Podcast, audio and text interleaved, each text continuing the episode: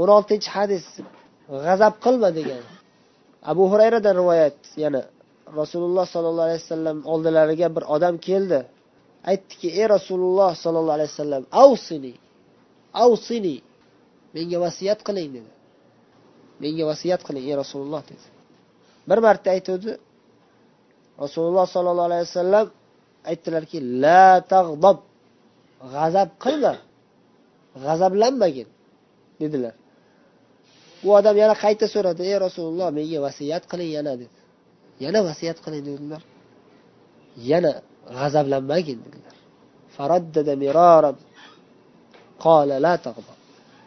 Bir necha marotaba menga vasiyat qiling menga vasiyat qiling deyaverdi rasululloh sollallohu alayhi vasallam g'azab qilmagin g'azab qilmagin g'azablanmagin deb vasiyat qilaverdilar.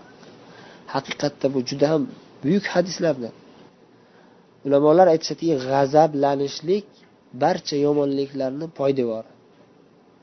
Barcha yomonliklarni boshlanishi shu g'azablarni g'azabini bosolmaslikdan kelib chiqadi. G'azablanmagin deganlari nima degani desangiz umuman g'azab qilmagin degani emas. Bu insonni toqatidan tashqari narsa shariat inson toqatidan tashqari narsaga buyurmaydi. G'azablanishlik xislati insonda bor. Hech qachon bundan inson qutula olmaydi baribir nimagadir g'azablanadi. Nimaga bo'lmasam g'azablanmagin deyaptilar. Bu degani g'azabingni keltiradigan holatlardan o'zingni uzoq tutgin. Birinchi o'rinda. Ikkinchi o'rinda g'azabingni yashirgin. G'azabing kelsa ham ichingda qolib ketsin tashqariga chiqarmagin. Ya'ni tilingni tiygin qo'lingni tiygin oyog'ingni tiygin qurolingni tiygin g'azabing kelib turib shatta otib tashlamagin g'azabing kelib turib shatta og'ziga kelgan gap bilan haqorat qilib gapirib yubormagin g'azabing kelib turib bir musht savormagin xotiningnimi bolangnimi urib yubormagin ha erkaklarga nasihat. G'azab erkaklarda ko'proq bo'ladi. Darrov bir shapaloq urib yuboradi yoki baqirib yuboradi. O'ziga zarar insonni sog'lig'iga zarar. G'azabini bosishlik insonni sog'lig'iga foyda. G'azab chiqmaslikdan e, g'azablanmasdan iloji yo'q inson tabiatda bor narsa bu. Lekin o'sha narsani tarbiya qilish kerak tartiblash kerak. G'azab hatto rasulullohda bo'lgan. G'azab mutlaqo harom emas. G'azab islomga muvofiq tarzda bo'lsa ba'zi o'rinlarda farz bo'ladi. Olloh uchun g'azab qilib musulmonlarga vahshiylik qilib musulmonlarni qatl qilayotgan kofir zolim qonxo'rlarga g'azab qilish kerak. Bu farz. Lekin musulmonlar bir biriga qanday bo'lishi kerak? Alloh taolo payg'ambarimizni sollallohu alayhi vasallam va sahobiy ikromlarni nima deb maqtadi? Fath surasini oxirgi oyatida. Muhammadur rasululloh.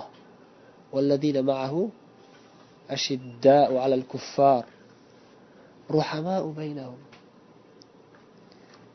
muhammad allohning rasuli va u kishi bilan birga bo'lgan zotlar ashidda kuffar kofirlarga ya'ni kofir deganda harbiy kofir degani tafsirda ochiq bayon qilingan harbiy kofirlar harbiy kofir degani nima degani soldat bo'lishi kerak degani emas Harbiy degani islomga qarshi urushmoqchi bo'lgan kofir. Islomga qarshi bo'lgan kofir. Islomga islomga adovati ochiq oydin bo'lgan kofir. Man musulmonman desa ham u kofir bu. Islomni yomon ko'rgan musulmonlarni yomon ko'rgan odam musulmonman desa ham u musulmon bo'lmaydi. Musulmonlarni qiynoqqa tutib o'ldirib vahshiylik qilayotgan odam musulmonman desa ham u islom dushmani. Uni biz unga g'azab qilishimiz kerak faqat shariatga muvofiq tarzda bo'lishi kerak. Shoshilib ketib jihod qilishimiz kerak ekan deb turib hali jihod hukmini o'rganmasdan tafsilotlarini o'rganmasdan qurol ko'tarib ketish degani emas. Masalani uchun g'azab bo'lmasa bo'lmaydi iloji yo'q. O'rni o'rnida bo'lishi kerak. Biz yomon ko'rishimiz kerak. U eng iymoni zaif nima dedilar? Qalbi bilan munkarni inkor qilish eng iymoni zaif. Keladi u hadis hozir. Biz qalbimiz bilan g'azab qilishimiz kerak o'sha hech bo'lmadi deganda qalbimizni ich ichimizdan o'sha kofir zolim qonxo'r vahshiylarni yomon ko'rishimiz kerak. Bu musulmonlarni sifati. Ashidda alal kuffar dedi alloh. Kofirlarga shiddatli dedi. Kofirlarga qattiq qo'l dedi. Musulmonlar o'yinchoq emas musulmonlar sodda emas. Kofirlar dahshatga tushishi kerak va dahshatga tushish oqibatida musulmonlarni hurmat qiladi keyin. Qaysi kofirlarga biz shiddatli bo'lamiz g'azab qilamiz. Musulmonlikka qarshilik qilib vahshiylik qilib qonundan chiqib ketayotgan. Qonun qonun qaysi qonun? Insoniyat qonuni bor. Payg'ambarimiz rioya qilgan insoniyat qonuni zulm hech qachon tashlab qo'ymaslik kerak. Zulmga qarshi albatta kurash bo'lishi kerak. Kofirlar bilan musulmonlar shunga johiliyatda ham ittifoq tuzilgan bu narsa payg'ambarimiz oqlaganlar bu narsani va islomda ham musulmonlar bilan kofir davlatlar o'rtasida sulh tuzilgan qonun o'rnatilgan. Kofirlar bilan musulmonlar o'rtasidagi bir birimizga zulm qilmaymizda. Adolatli. Shunga rozi bo'lmaganlar kim? O'shalar harbiy kofirlar. Zulm qilaveradigan musulmonlarga qarshi jang qiladigan qilaveradigan kofirlar. O'shalarga biz g'azab qilishimiz kerak. Va yana g'azab o'rinlaridan harom ishlarni ko'rganimizda o'shanga g'azab qilishimiz kerak. Lekin aytganimizdek g'azabni to'g'ri tadbiq qilish kerak. Birinchi o'rinda yumshoqlik bilan nasihat qilish kerak. G'azab qilsangiz ham ichingizga yuting deymiz lekin bu degani indamay ketavering degani emas. Indamay ketavering degani emas davolash kerak bir odam harom ish qilyaptimi? Aroq ichyaptimi? Fisq fujurlik qilyaptimi? Musulmon bo'lsa ham unga g'azab qilish kerak. Va lekin to'g'ri davolash kerak. G'azab qilish kerak ekan haqorat qilib urishib ketish qovog'ini solib yurish degani emas. Ich ichingizdan ezilsangiz ham ich ichingizdan g'azabingiz chiqsa ham shu odamni qanday qilib hidoyat qilsam bo'larkan deb o'ylashingiz kerak. Va shu g'azabni to'g'ri tadbiq qilish degan biz mavzuga asosiy mavzu demak g'azab qilmaslik kerak degan edi. O'sha narsaga qaytsak yana bir bor xulosa qilib aytib qo'ysak shunday deymizki g'azab juda yomon xatarli sifat. xatarliligi o'z odam o'zini tutolmasligida ya'ni.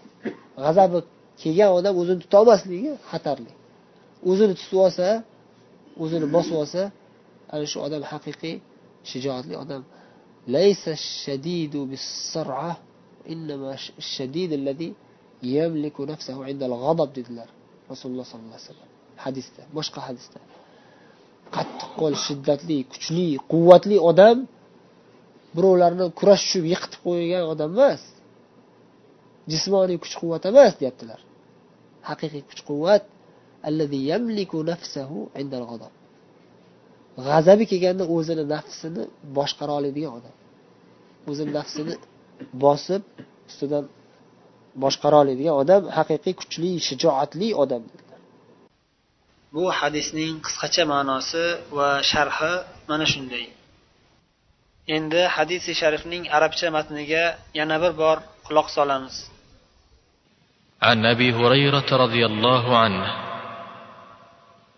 ان رجلا قال للنبي صلى الله عليه وسلم اوصني قال لا تغضب فردد مرارا قال لا تغضب رواه البخاري